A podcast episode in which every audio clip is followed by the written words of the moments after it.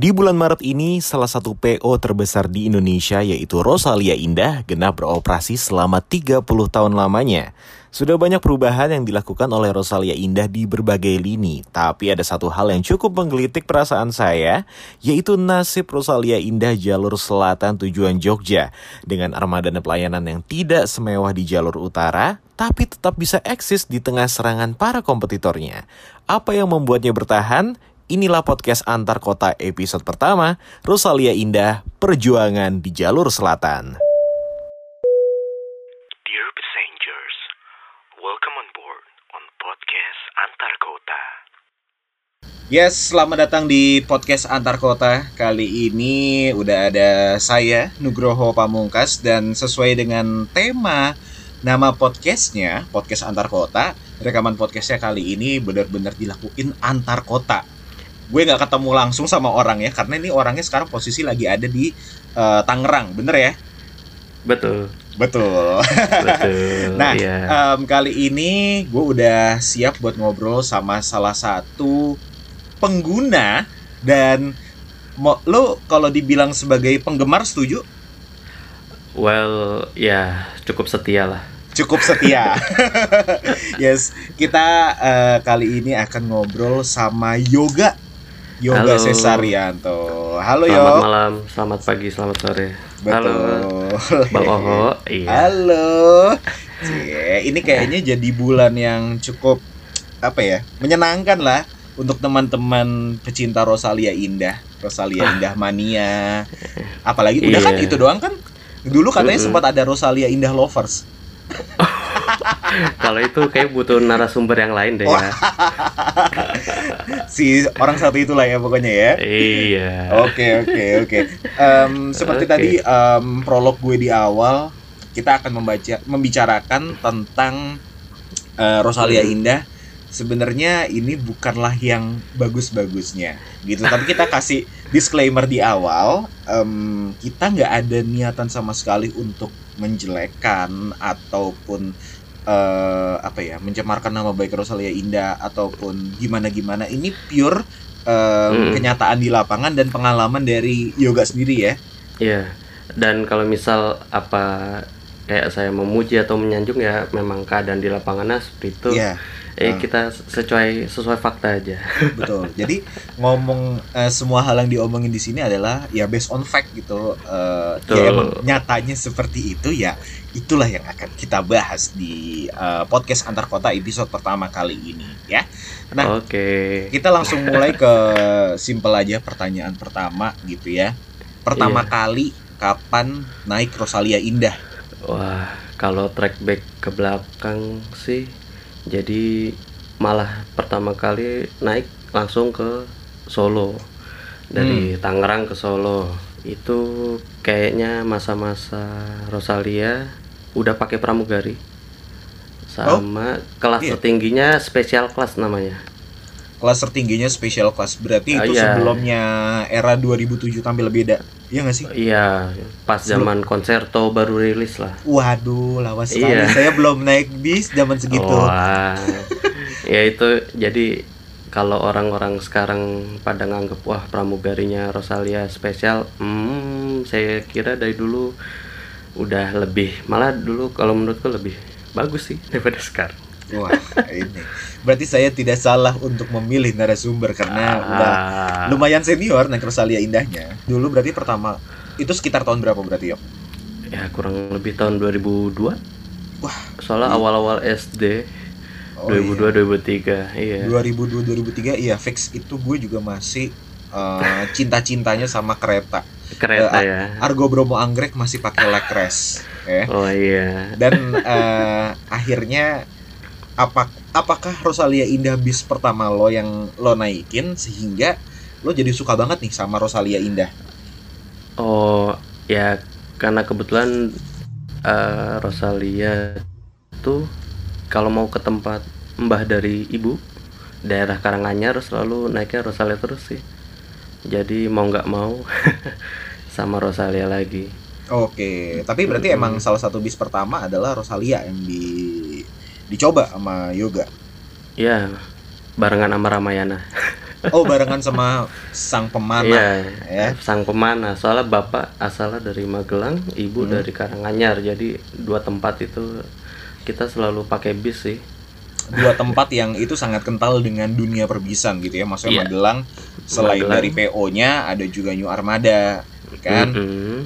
Oke, kalau Mm-mm. em, dibahas lebih spesifik lagi, Iya, pertama kali naik Rosalia Indah itu sekitar 2002 dan itu udah langsung di jalur selatan ya, Yok ya.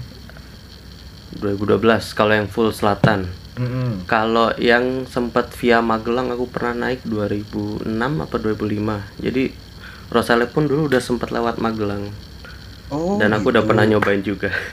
Oh gitu. Jadi 2000 2006 itu ya maksudnya di saat di saat itu Mm-mm. yang lewat Magelang paling cuma apa sih? OBL ya. OBL Santoso. ya tetap Ramayana segala Ramai. macam kan. Iya.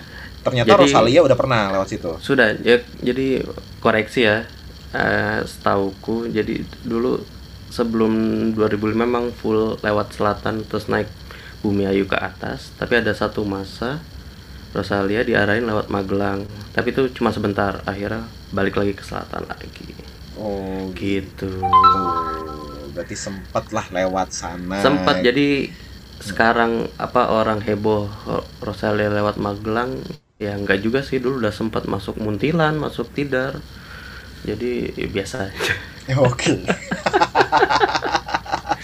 Tapi- iya. Tapi kalau emang dilihat secara apa ya?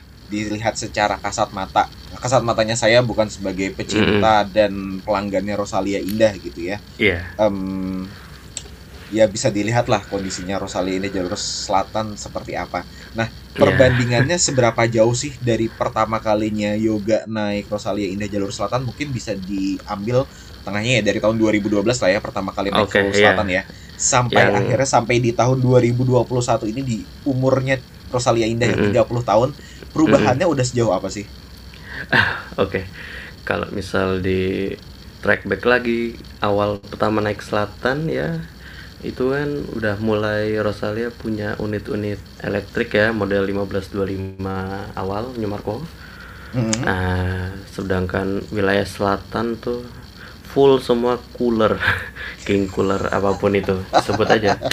Iya, jadi Setir tanpa, ya kan pokoknya setir ya. tanpa ya perbedaannya kerasa lah apalagi mulai dari 2012 ke medio ke arah 2015 tuh istilahnya jalur selatan cuma dapat limpahan bekasan dari Solo aja Hmm. dan itu ada masanya kan namanya mobil selatan Rosalia identik storing storing atau perpal ya. jadi ya tapi alhamdulillah aku nggak terlalu nggak pernah kena yang parah sih Nah.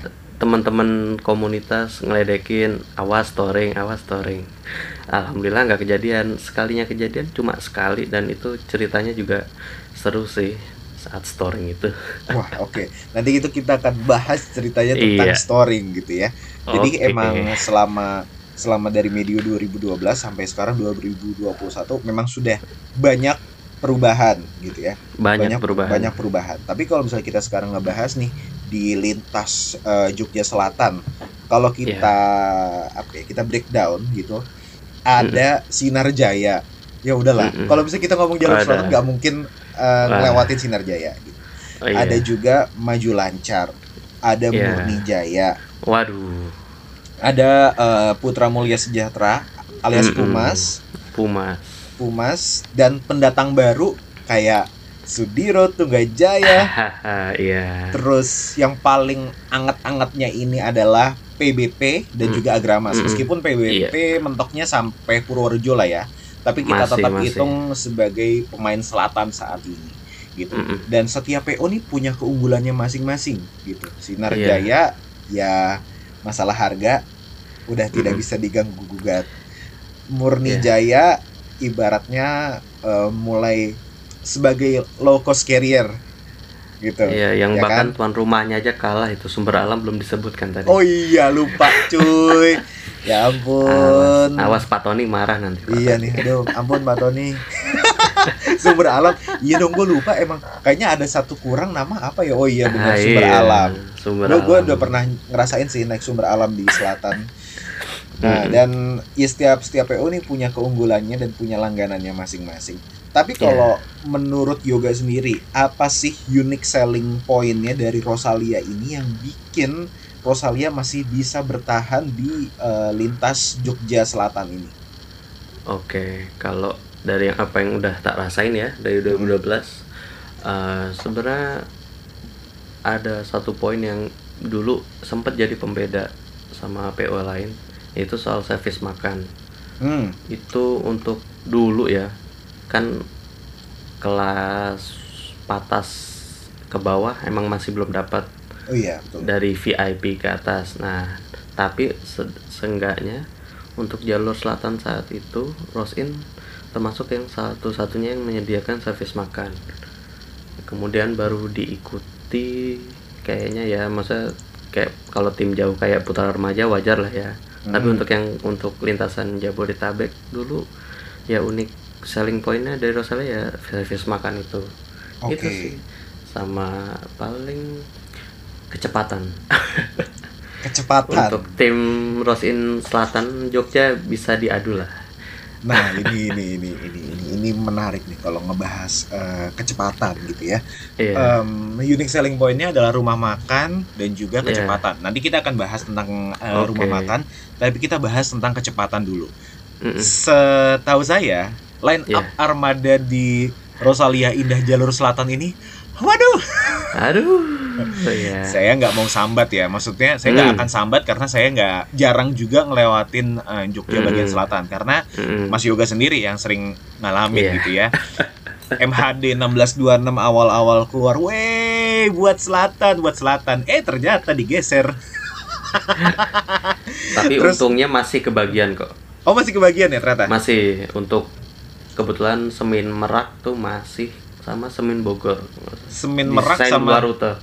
tapi seminnya itu via via Via Magelang. via via enggak, via via selatan, via, Oh, via selatan. Purworejo, Kotarjo. Hmm, Iya, oke. terakhir aku tahun lalu eh, enggak tahun lalu sih ya bulan Ya, baru-baru aja lah ya. masih- Iya, masih grace-nya MHD masih ngerasain lewat selatan. Oke, ya masih alhamdulillah Mm. mungkin sekarang ada sedikit Alhamdulillah perbaikan kebagian gitu ya. unit baru. Tapi kalau misalnya eh, tadi Yoga ngomong unique selling point adalah kecepatan, padahal kalau dulu dibandingin Mm-mm. dengan eh, PO-PO lain, PO Mm-mm. lain mungkin udah mulai pakainya kebanyakan RK8 kali ya, Hino RK8 ya. apalagi pesaing- Sinar Jaya pesaing. ya. Iya benar.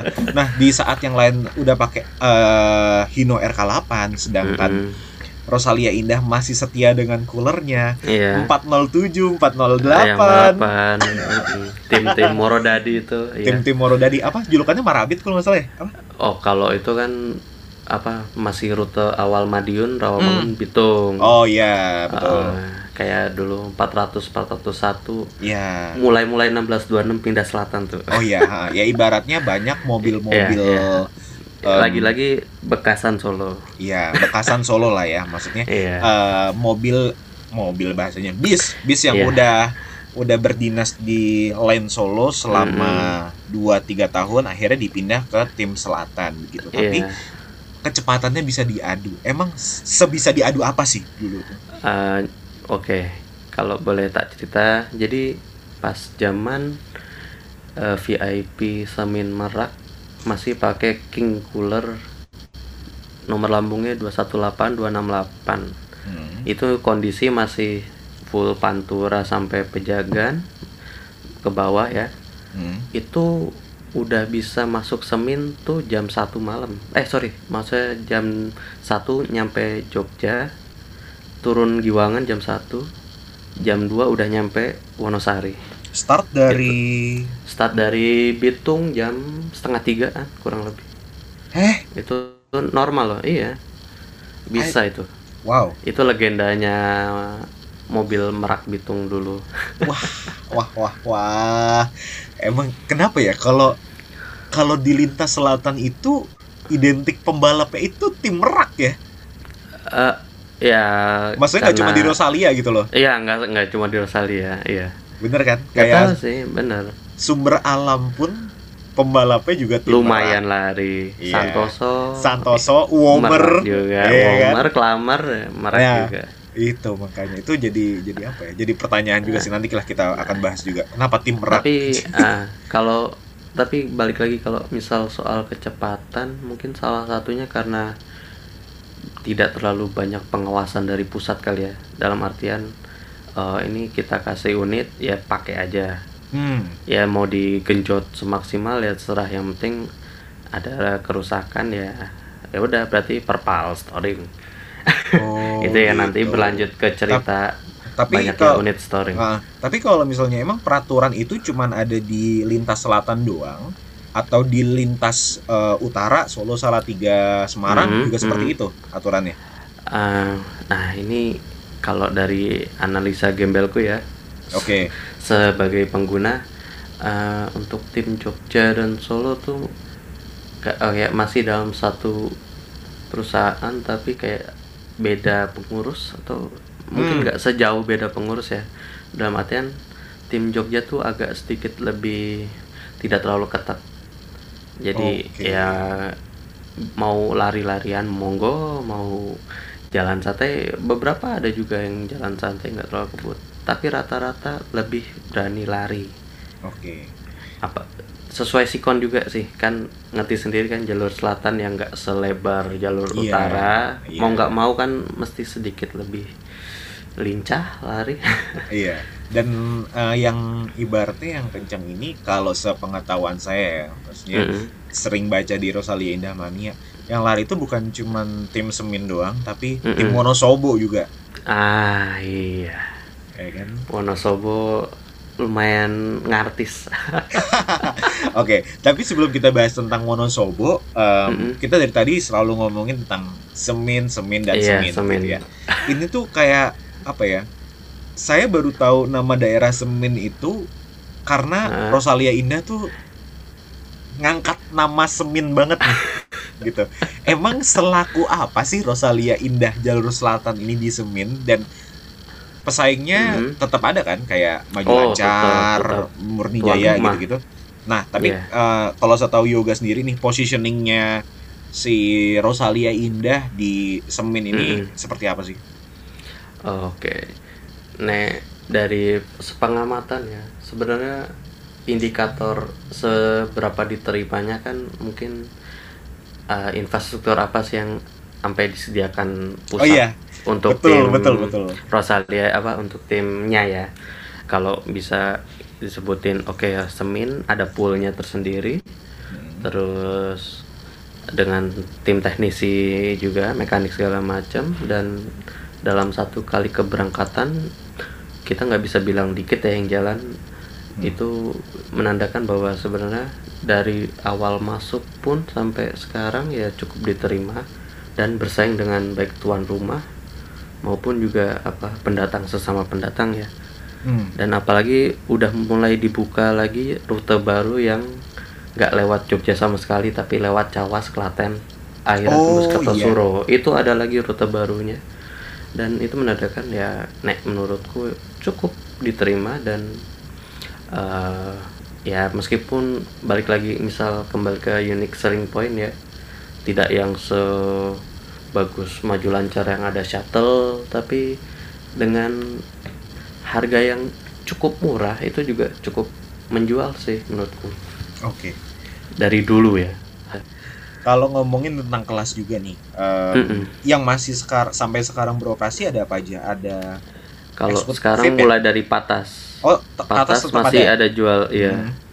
patas VIP eksekutif dah terus langsung loncat ke super eksekutif yang double deck kan tiga kelas itu aja Oke. yang via Magelang ya Yang via Magelang. Oke. via Tapi Magelang ada yang harus di underline di sini Iya. adalah super eksekutif, bukan Iya. super top.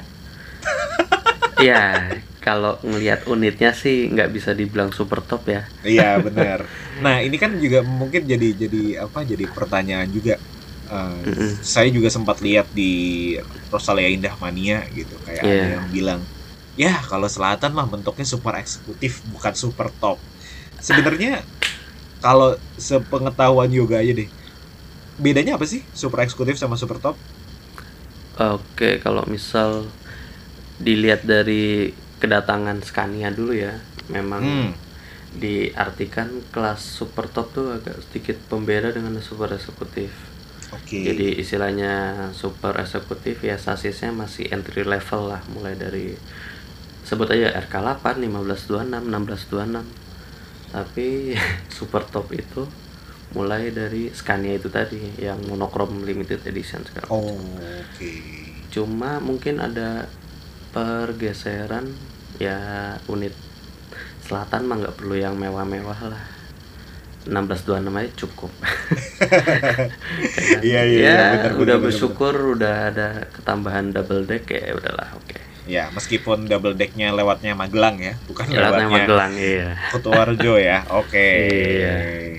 Ini buat teman-teman yang masih bertanya-tanya bedanya super eksekutif sama super top apa sih Mas? Ini kayak sering banget ditanyain soalnya di iya Rusalia Indah Mania ya bedanya beda Iya. sasisnya gitu. iya iya. Terus eh tadi ngomongin semin emang sudah sediterima itu di semin dan Sudah. sekarang eh kalau ngomongin ada satu lain juga yang sebenarnya potensinya kalau saya lihat lumayan tinggi tapi sempat tutup beberapa saat yaitu line Wonosobo. Iya. Itu kenapa sih? Eh tahu nggak sih ceritanya kenapa line Wonosobo sempat tutup? Dan sebenarnya penumpangnya lumayan bagus kan di Wonosobo? Iya oke. Masalah Wonosobo itu memang kalau sepengetahuanku memang hanya urusan kantor aja sih dalam artian mungkin ada hmm, bukan bisa dibilang perombakan ya hanya perbaikan manajemen mungkin oke karena I karena- see karena kebetulan kan kalau boleh dibilang itu Rosalia mengandalkan sistem start dari pool. Nah, sedangkan Wonosobo tuh belum punya pool mandiri yang Oh iya, istilahnya betul. cukup bisa menjadi istilahnya hmm, pusatnya, cal apa wakil pusat segala macam. Nah, mungkin di off itu mempersiapkan ke arah sana. Akan ada mungkin posisi pool yang akan dibangun entah di Wonosobo atau mungkin ada geser dikit ke Topangku kita tunggu aja. Hmm, Oke, tapi sekarang udah jalan lagi ya line Wonosobo ya? sudah tapi masih mengandalkan mobil Jogja. Jadi Oh mobil iya, Jogja. yang eh SR2 yang nggak sih? HDD ya? ya eh, RK8 itu HDD 177 sama ada juga kalau nggak salah mobil Ciputat juga Jogja Ciputat Hmm. jadi sementara jadi mobil agen Indonesia Wah, karena am- ampirannya banyak banget itu ampirannya banyak banget. Banyak tapi kalau masalah speed, saya sih sering lihat ya Iya. updateannya. Tim Wonosobo, waduh. Wah, HDD 177 178 ya keresannya ya Iya, kalau nggak salah. ekres sana ya. Itu Ah. dulu bekas semin merak gitu.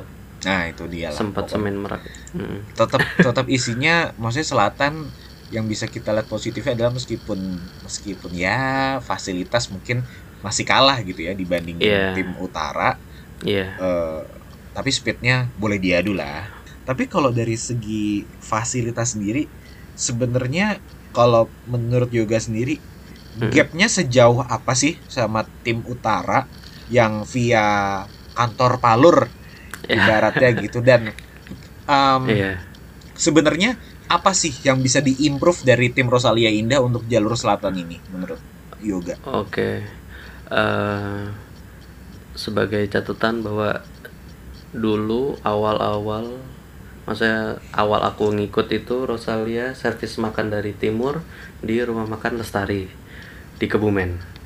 Hmm. kemudian kayaknya udah mulai berjalan dua tahun atau tiga tahun pindah ke rumah makan Taman Sari Rasa Sampang nah menurutku Eh bentar deh. sebe ya Taman Taman Sari Rasa tuh yang ada Menara Eiffel itu ya? ah iya, ada ada miniatur Eiffel itu Oke. komplit loh ada pemandian segala oke back to topic ah menurutku sih dengan Rosalia berpindah rumah makan tuh apa ya itu bagian dari upgrade yang diberikan dalam artian beberapa tahun terakhir sebelum pindah memang aku ngerasa sendiri ya rumah makan lestari servisnya mulai menurun dan mungkin mungkin ada keluhan yang masuk dari penumpang ditanggapi oleh kantor dan akhirnya dipindahkan ke Taman Sari Rasa. Kalau kita bandingkan dengan yang di Palur, ya kelemahannya ya itu bukan rumah makan sendiri ya. Istilahnya seperti yang lainnya kita join apa ya kerjasama sama perusahaan itu rumah makannya. Tapi eh terakhir aku makan apa ya? Kayak makan endok bulat. Jadi ya udah mulai agak menurun lagi sih. iya iya iya pokoknya kasta suatu rumah makan itu akan hancur Cur. ataupun mungkin langsung drop begitu ya ya saat Iya. yang menu yang keluar eh Iya. Apa lauk yang disajikan? iya, telur bulat rebus Telur bulat rebus. tanpa Untung ada pilihan lauk lain itu parah sih itu kalau kita jadi penumpang super sih nangis sih kalau nggak ada Iya. pilihan ya. bener Kalau sebagai catatan dalam tujuh tahun aku berpergian menggunakan Rosalia lewat selatan hanya dua kali aku naik super eksekutif. Hmm. Salah satu karena dari fasilitasnya itu tadi Oke. kurang meyakinkan. Jadi lebih baik beli yang murah-murah aja. Jadi apalagi yang sekarang lagi heboh, ah beli kelas yang lebih bawah, upgrade naik kelas. Men itu udah dari dulu kayak gitu. yang pada heboh-heboh sekarang ya ya udah nggak usah dihebohin lah. iyalah biasa-biasa Iya. aja jangan Tak jangan jangan kira nanti udah udah niatnya pesen patas dapetnya patas beneran iya nanti misu-misu. Padahal kan itu cuma bagian dari pelayanan kan. iya Mobil nggak jalan ya naik kelas lah. iya Eh, itu salah satu rezeki anak solehnya kalau ikutan Rosin Jogja Selatan ataupun ikut Rosalia Indah secara umumnya gitu ya. Tapi Mm-mm. tadi ada cerita yang paling berkesan adalah dari sekian kali perjalanan banyak banget kali Iya. kalau itu dikumpulin ya, tiketnya dan lah. bisa nuker BDB mungkin dapat dua kali BDB kali ya. Ya, sementara masih dapat bantal leher aja. Oh iya. nah cerita yang Iya. paling berkesan selama ikutan Rosin Jogja Selatan apa yok? Ah, sebenarnya ada kaitan dengan cerita-cerita storing tadi ya. Hmm. Jadi ada satu waktu eh, dalam satu perjalanan aku naik empat unit yang berbeda. Waduh. Empat unit. Empat Oke, unit. gimana Oke, gimana Kalau ceritanya? kita cerita dari awal, kebetulan aku naik dari Jombor ya. Nah, Jombor itu nggak semua unit masuk ke sana, jadi apa oper-operan itu hal yang wajar. Ya. Nah, jadi kebetulan aku beli paling murah, cuma beli non AC saat itu. Edan. Oke. Non AC iya. Jadi akhirnya oh Mas bisa nggak masuk agen ngomong gitu. Nanti ikut 460 dulu. Oh oke siap. 460 itu dulu VIP Semin Merak. Body jet bus ya. Jet JB2 1525. Oke. Itu rebody asli itu. Bukan rombakan ya. Oh iya. Rebody Nah, Ape. Eh, rebo enggak asli Adiputro itu. Oh. 460 46. Nah, jadi aku ngikut mobil itu dulu sampai Lestari. Hmm. Singkat cerita ketemulah sama unit yang sesuai tiket ya. Itu New Armada Aristovo. Oh, Jadi Aristovo yang tinggi ya. yang tinggi ke sana tuh kayak kalau jadi penumpang nengok ke jendela aja anjir tinggi banget. Iya. Dan dan itu kayaknya unit non AC terakhir yang dibeli ya. Iya berbarengan sama Discovery Oh iya masih ada Discovery. Oke. masih ada Discovery ha, ha. itu pokoknya bagian dari perombakan apa rebody terakhir untuk non AC Oke.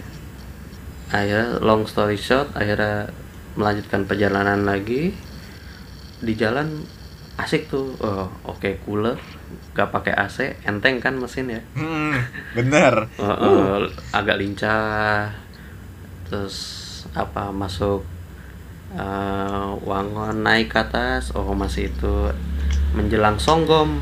Nah ini cerita dimulai. Lagi asik belong kanan tato ngajar lobang brak Waduh. tato tenaga hilang pak Lah, mati habis Mati? itu mati Oh, oke. akhirnya mi- minggir ke kiri kita ya maklum mesin tua masih kita coba kocok terus ya Asik kocok mungkin terus. kocok kocok pak dikocok kita bantuin nerangin lampu karena memang pinggir kali Songgom kan gelap banget ya Iya, luar biasa lah itu. kita bantu sampai akhirnya ada, ada video yang kurekam wes storing by storing by oh iya storing yes ini pengalaman pertama storing akhirnya Akhirnya. Nah, terus kebetulan teman-teman bis Rosal yang lain juga sudah join bantu. Terus akhirnya udah dipindahin dulu ke bis lainnya. Akhirnya ngikutlah ke bis ketiga. Itu 144 atau 143 kalau nggak salah. Oke. Itu Setra biru asli Palur. Hmm. Cuma Iya, itu iya. bukan mobil ke Bitung ya.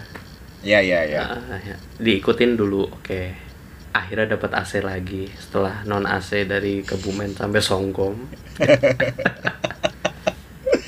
udah ngikut wah itu kerasa banget suspensi atos banget keras brak brak brak brak. Terus nggak lama masuk pejagan eh kok di depan ada legasi RG ternyata yang penumpang Bitung diikutin lagi. Akhirnya pindahlah saya ke bis keempat. Waduh. dalam satu malam yang sama. Hmm. itu kalau nggak salah bis ke Sumatera sih antara ke Muara Enim atau ke Palembang jadi akhirnya melanjutkan perjalanan sampai Bitung pakai legasi kayak RG. 16 RG itu jadi dalam kalau boleh disimpulkan satu malam empat bis tiga kelas Oh, iya. Berangkat eh, ber- berangkat apa sih itu berarti kelasnya VIP. VIP. VIP. Dulu VIP non AC. non AC VIP lagi Ah. pindah ke XC pas yang ke mobil Sumatera itu Dari sekian lama naik Rosalia Indah, Mm-mm. ya kan lu sering lah bolak-balik Jakarta, eh, Tangerang, Jogja Iya. gitu. Hmm. Berapa kali selingkuh dari Rosalia oh, Indah? pasti pernah. Pasti, pasti, pasti pernah. Tapi Pasti pernah. gua nggak mau denger ceritanya tentang selingkuh. Udah pernah Mm-mm. selingkuh sama Sudiro Tunggajaya belum? Hmm, Alhamdulillah belum. Tapi em, kita udah mau masuk di akhir podcast ini ya. Jadi Iya.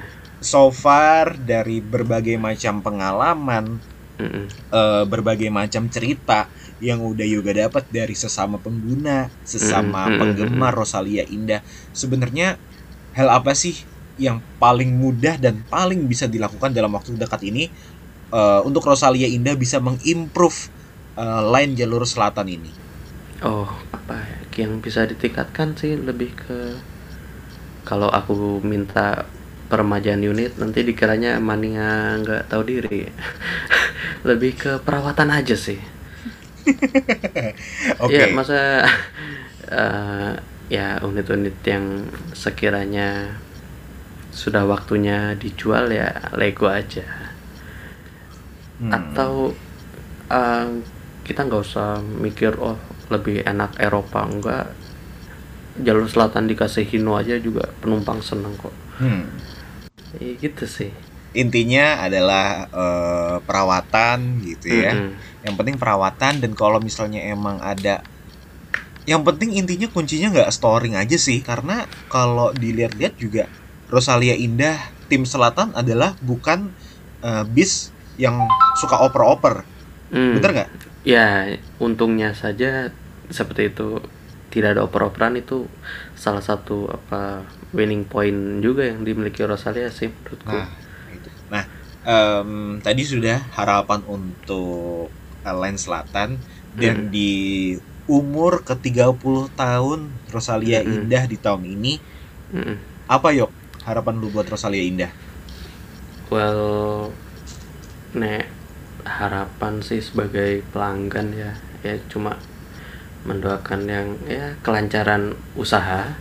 Yang pertama ya semoga lancar selalu. Yang kedua, hmm, ya namanya juga doa ya, ya semoga jalur selatannya diperhatikan. Eh, karena apa ya untuk menarik penumpang baru juga penting salah satunya kosmetiknya Nah, iya. unit yang kelihatan bagus rapi eh, kemudian ini dari murni pendapatku sendiri ya terus dilanjutkan gerakan tidak terlalu banyak aksesoris itu juga menjadi pembeda Iya, iya, iya. strobo wing LED itu tolonglah dicopot aja ya untuk para donatur sorry sorry aja ya ya kan Nah. pendapat pribadi ya kalau Iya. mau mendukung para pengemudi atau kernet kru ya bisa dengan uh, menjual di lini masanya ya, mempromosikan apa sih yang bagus dari Rosalia atau apa. Nggak harus dengan apa memberi hadiah yang tidak diperkenankan dipakai oleh kantor daripada nanti endingnya dicopot ya kan? Sia-sia. udah sia-sia mending bersih aja Mending bawain martabak buat drivernya. ya nanti dikira mau gebet anaknya jangan jangan itu terlalu berbahaya ya Oh iya iya iya iya iya. sama yang terakhir tetap uh, sesuai dengan koridor dan ketentuan yang disediakan oleh regulator bahwa apalagi di masa pandemi ini tetap jalankan prokesnya dengan 3M itu untuk seluruh kru yang bertugas juga tetap apa karena waktu berjalan itu jangan dianggap menjadi kebiasaan untuk mencopot kembali atau apa tetap gunakan masker yang benar dan ya bertugas dengan sesuai SOP dan seterusnya. Gitu aja sih harapannya. Ya semoga tetap jaya jaya jaya kayak diprediksi dong ya Iya iya iya. gitu sih Oke, itu harapan-harapannya Yoga buat Rosalia Indah. Yang tetap gua highlight itu emang bagian prokes sih karena di masa pandemi ini Mm-mm. um, ya gue bukannya bukannya gimana gimana cuman sangat tidak respect sama kru bis yang tidak pakai Mm-mm. masker Mm-mm. gitu karena ya em, ibaratnya driver dan kru tuh yang Iya. punya yang punya bis gitu loh Mm-mm. Dan dia- berjalan setiap hari ke sana kemari bawa berbagai macam penumpang kalau dia jadi carrier gimana itu sih Nah, betul. ya kan jadi ya semoga Rosalia Indah bisa tetap eh, taat prokesnya bisa Mm-mm. berkembang terus dan juga semakin bisa memperhatikan jalur selatan dan tetap legal asik tetap legal, legal. tetap legal ya. kita main dengan yang bersih saja. Yang pasti di spionam harus ada. Ada KPS hidup semua. Hidup semua. Oke oke oke. Udah banyak banget cerita tentang eh, Rosalia Indah Jalur Selatan di episode pertama podcast antar kota kali ini. Thank you banget Yok. Udah Oke, cerita cerita. Iya. Nanti semoga kita punya kesempatan buat ketemu secara langsung kita gibahin lagi hal-hal yang Oh, siap. tidak pantas untuk kita rekam. Ah, itu dia. Masih ada yang mengganjal tapi kita Nah. simpan untuk nanti. Nah, eh, buat teman-teman yang pengen request gitu ya, ngasih topik apa yang menarik untuk dibahas di podcast antar kota, langsung aja eh, komen di Instagram saya di @oho.pamungkas, bisa juga di Twitter di @oho_pamungkas S-nya 3 dan di Facebook di Nugroho Tripamungkas. Eh, buat yang mau follow Instagram dan Twitternya Yoga, boleh dong yuk sekalian promosi. Waduh, oke. Eh, tolong kalau udah nemu akun saya jangan dibombardir suruh tanggung jawab ya. Ah, Apa yang saya ungkapkan di sini hanya opini pribadi. Eh, dan juga disclaimer eh, karena tadi kita nyebut eh, organisasi RIM terus eh, saya bukan bagian dari Rosalia Indah Oh iya ya. betul. Eh, kebetulan memang grup Cinta itu aja. sangat berguna untuk referensi Hmm. baik untuk kita sebagai istilahnya bismania maupun untuk yang masyarakat umum jadi disclaimer saya bukan anggota RIM ya Iya. oh ya eh, kalau misal sosial media Instagram saya Cesarianto C E S A R I Y A N T O Twitter juga sama, sedangkan Facebook Yoga Eka Cesarianto. Udah itu aja. Mantap. Oke, thank you Yok. Um, Sama-sama. Sampai jumpa di lain kesempatan. Semoga segera bertemu dan pandemi segera selesai. Amin, amin. Terima kasih. Ini dia sudah selesai episode pertama dari podcast Antar Kota. Terima kasih sudah mendengarkan podcast Antar Kota. Jangan lupa untuk share ke teman-teman kamu untuk dengerin podcast ini. Kalau misalnya masih belum seru, ya maaf, namanya juga masih usaha.